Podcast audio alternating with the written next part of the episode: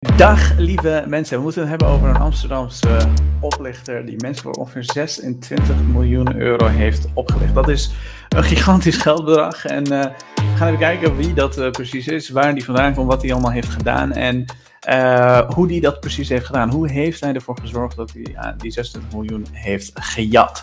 Het is letterlijk stelen. Normaal gesproken behandel ik dit soort zaken vooral op Instagram. En dat komt omdat een video maken over dit soort zaken het toch wat lastiger is dan het gewoon uh, ja, verschillende informatie te, op, op Instagram met jullie te delen. Maar ik dacht, misschien kunnen we ook vandaag even er even een korte video over maken. En ik ben benieuwd wat jullie ervan uh, denken. Kijk, wat er gebeurd is, deze Max uh, R. Ik, heb, ik weet precies hoe, wie het is, want ik had namelijk eergisteren een berichtje geplaatst op, op Instagram dat de field was binnengevallen bij twee mensen. En ik had jullie gevraagd, wie denken jullie dat dat is? En naar aanleiding van die oproep of van die Um, uh, van, die Instagram bericht, kreeg ik ontzettend veel gegevens van jullie over precies wie deze persoon is, wat hij doet, heel veel verschillende bronnen die zelfs de WhatsApp berichtjes hebben gedeeld van zijn partners. Dus we gaan zo meteen naar al die verschillende dingen kijken, maar laten we eerst even kijken wat er precies is gebeurd.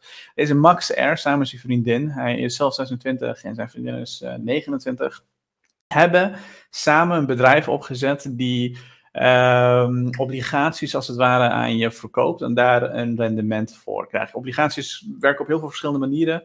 Uh, ik zal hieronder voor je linken hoe dat precies in zijn werk gaat als je niet weet wat een obligatie in, uh, uh, inhoudt.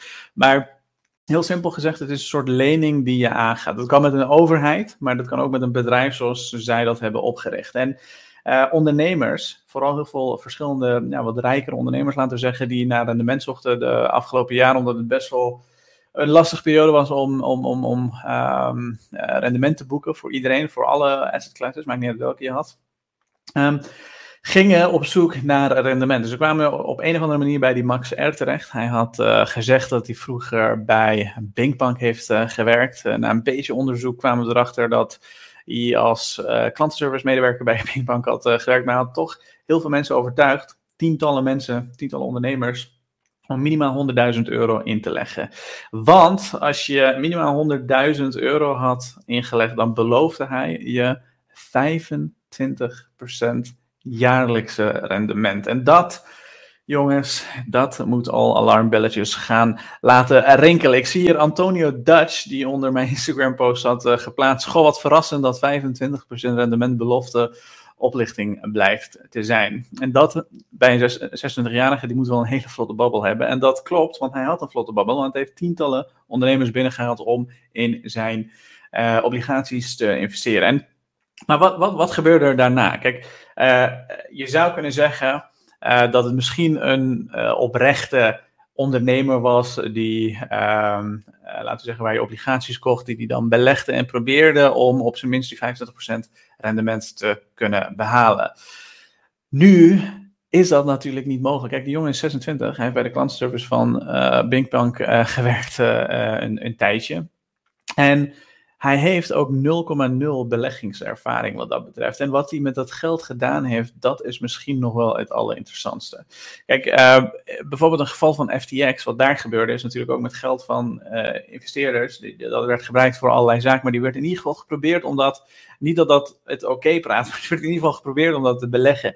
Wat deze man heeft gedaan, wat Max R heeft gedaan, is hij heeft een huis gekocht in de pondstijger. Die zie je hier uh, voor je. Na een beetje onderzoek weet ik toevallig dat het dit huis is specifiek. Uh, laten we even kijken naar hoe dit eruit ziet. Het is ongeveer 415 vierkante meter. Het zit in de pondstijger hier in Amsterdam. Het heeft zes kamers, waarvan drie slaapkamers. En dit is hoe het eruit ziet. Laten we even kijken. Zo, dit is hem op de allerhoogste verdieping. Een penthouse die er dit is de pondstijger voor mensen die niet, niet in Amsterdam uh, regelmatig zijn. Maar dit is, dit is hoe het eruit ziet. Ongeveer 415 vierkante meter. Een mooie plantenbak. En um, een hele mooie keuken met een uitzicht over, over heel Amsterdam waar je u tegen zou zeggen. Inloopkast, van alles nog wat wat je erbij kunt bedenken. Zelfs hier een, een, een, een, een buitenruimte. En ga zo maar door. Dus hij heeft het vooral aan dat soort, dat soort zaken uitgegeven. Sterker nog, als je een beetje zijn vriendins um, Instagram zou hebben gevolgd, die nu inmiddels offline is gezet. En ik heb geen screenshots kunnen nemen, helaas. Maar er zijn wel mensen die dat waarschijnlijk hebben. Als je daarnaar kijkt, dan zie je hele exclusieve jachten. Echt enorme boten waar ze allemaal, allemaal zijn geweest en noem het maar op. Dus het is uiteindelijk echt een serieuze oplichter gebleken. Hij heeft dat geld niet gebruikt om er wat nuttigs mee te doen, om het te beleggen, om, het, om er wat serieus mee te doen, ook voor zijn klanten. Dan zou je nog in, in, in principe kunnen zeggen, oké, hij heeft het geprobeerd, maar hij heeft gefaald. En hij heeft weinig rendement behaald met het geld wat hij zou moeten hebben beheerd voor die mensen. Die mensen hebben dat geld op zijn rekening gestort. En hij zou dat voor ze laten renderen. Nu, wat er daarna is gebeurd, is um, omdat, hij heel, omdat hij heel veel verschillende transacties kreeg. Hij kreeg ons, ja, um, honderden duizenden euro's die hij keer uh, gestort kreeg. Onze overheid, oftewel de AFM en de Fiat, kreeg daar een melding van van de banken. Zijn wij, wij zien hier wel heel veel verdachte transacties wat er aan de hand is. En wat er ook nog eens gebeurde, is natuurlijk dat die markt in elkaar stortte vorig jaar. Mensen waar de bankruns hadden, van alles nog wat hoger rentes, noem het maar op. Al die bedrijven, alle aandelen, alles stortte. Nou, stort in elkaar is misschien een heftig uh, woord. Alles kelderde en daalde met ja, percentages wat, waar iedereen zou van schrikken, laat ik het zo zeggen. En heel veel mensen die gingen naar hem toe en die zeiden: Wij willen graag ons geld terug. Waar blijft ons geld? Wij willen in ieder geval een gedeelte ervan opnemen. En Max, die kwam met allemaal smoesjes, totdat zij ook naar de politie gingen. Sterker nog, zijn twee mensen die nu een, uh, die nu een rechtszaak hebben aangespannen van ongeveer een miljoen. Um, en die mensen, die willen natuurlijk onderaan de streep hun geld terug. En uh, het grappige is, van de berichten, ik heb heel veel stukken gekregen, veel zijn privé en ik uh, ga me er niet aan branden om die publiekelijk te maken. Maar een van de interessante dingen is en ik kreeg van, van een van de bronnen, hij zegt, uh, het is een bericht van een tussenpersoon die er zelf ook dik in mee is gegaan. Hij verkocht het aan beleggers, inclusief zijn eigen zus en broer. Hij is een tussenpersoon die samenwerkte met uh, Max om klanten binnen te halen. Tussenpersoon straalde vertrouwen uit, maar is er zelf ook opgelicht. Begon in 2021 al. Er is een groep in Breda en Amsterdam die benadeeld zijn. Gisteren is faillissement aangevraagd door een aantal schuldeisers.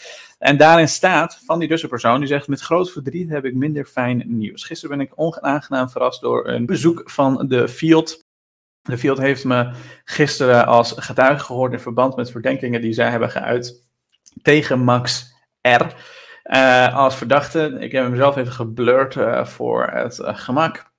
De Field denkt, verdenkt Max van het opzetten van kort gezegd een Ponzi-fraude. De in de loop van het verhoor heb ik van de Field ook de nodige informatie over het handelen van Max ontvangen. Kort gezegd, Max heeft de boel bedonderd. Deze informatie is alleen nieuw voor mij en zeker ook hoe Max een ander uh, en een ander het een en ander heeft opgezet wat er met de gelden is gebeurd. Wellicht dat een aantal van jullie gisteren, vandaag ook benaderd zijn door de Fiat. De informatie die ik ontving wil ik graag met jullie delen, want anders dan Max wil ik wel open en transparant richting jullie blijven zijn. Ik begrijp dat jullie nu ook al met die nodige vragen zullen zetten. Ik nodig jullie daarom uit om aanstaande donderdagavond, en dit hebben we ook geblurred, om 7 uur bij het van vul maar in, afspreken. Gezamenlijk met mij het gesprek aan te gaan, zodat wij informatie kunnen uitwisselen en onder meer kunnen bespreken of en hoe wij deze richting max zouden kunnen optreden. Ook vandaag ben ik nog bezig de field van informatie te voorzien. Daartoe ontving ik een vordering tot het verstrekken van documenten. En het is voor mij ondoenlijk om nu iedereen afzonderlijk naar behoren uitgebreid te woord te staan. Daarom zie ik graag uh, iedereen graag aanstaande donderdag. Dat is dus letterlijk aanstaande donderdag, deze donderdag. Nu is het interessant hoe dit allemaal gelopen is. Uh, het lijkt mij in ieder geval dat die, dat die tussenpersoon een eerlijk persoon is die uh, zich misschien te veel heeft laten meeslepen door die Max R.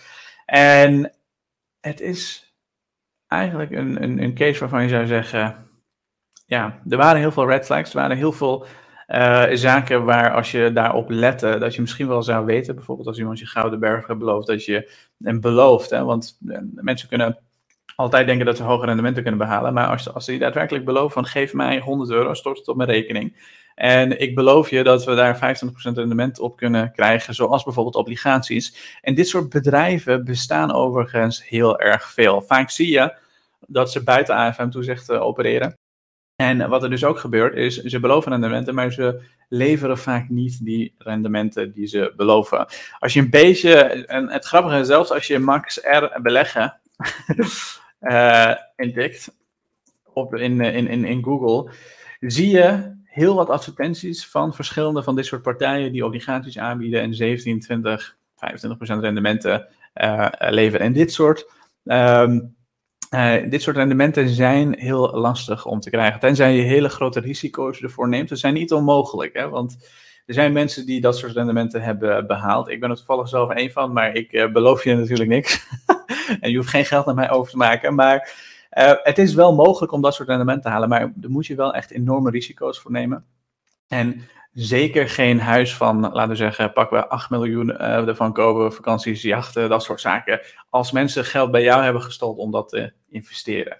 En de vraag is dus, hoe gaan al die andere bedrijven ook met je geld om? Dus wees altijd ontzettend gewaarschuwd dat als mensen je gouden berg beloven, en zeker als je geld naar hun moet overmaken, dat het waarschijnlijk strandt op jouw uh, geld die verloren raakt. En uh, om aan, aan, de reacties te zien, weten heel veel mensen dit ook. Dus het is een beetje nodeloos, denk ik, om het te zeggen. Patrick die zegt, iets wat te mooi is om te geloven, moet je vraagtekens bijzetten. Voorbij mij ook iedere keer hoe naïef bepaalde investeerders en mensen kunnen zijn. I know, ze zijn een slachtoffer, maar je moet toch zelfs goed je research doen en logisch nadenken. Investeren komt met risico's. Piet die zegt, Max er stappen vliegensvlughandelaar uit de baan gevlogen. Uh, official Dutch die zegt, gevaltje snel lijken worden, maar hopen dat, niet, dat het niemand opvalt. Ik ben benieuwd wat hier nog verder uit gaat komen. Nou, dit, krijgt in ieder geval een stage. We gaan zien wat er uiteindelijk gaat gebeuren. Maar ik vond het wel een interessant genoeg uh, zaak om het even met jullie hier ook op YouTube te behandelen. Vind je deze video's leuk? Laat even weten, laat een comment achter, laat een like achter. En laat me weten wat je van dit soort praktijken vindt. En misschien behandelen we meer van dit soort zaken. Dank voor het kijken en ik wens je nog een hele fijne dag.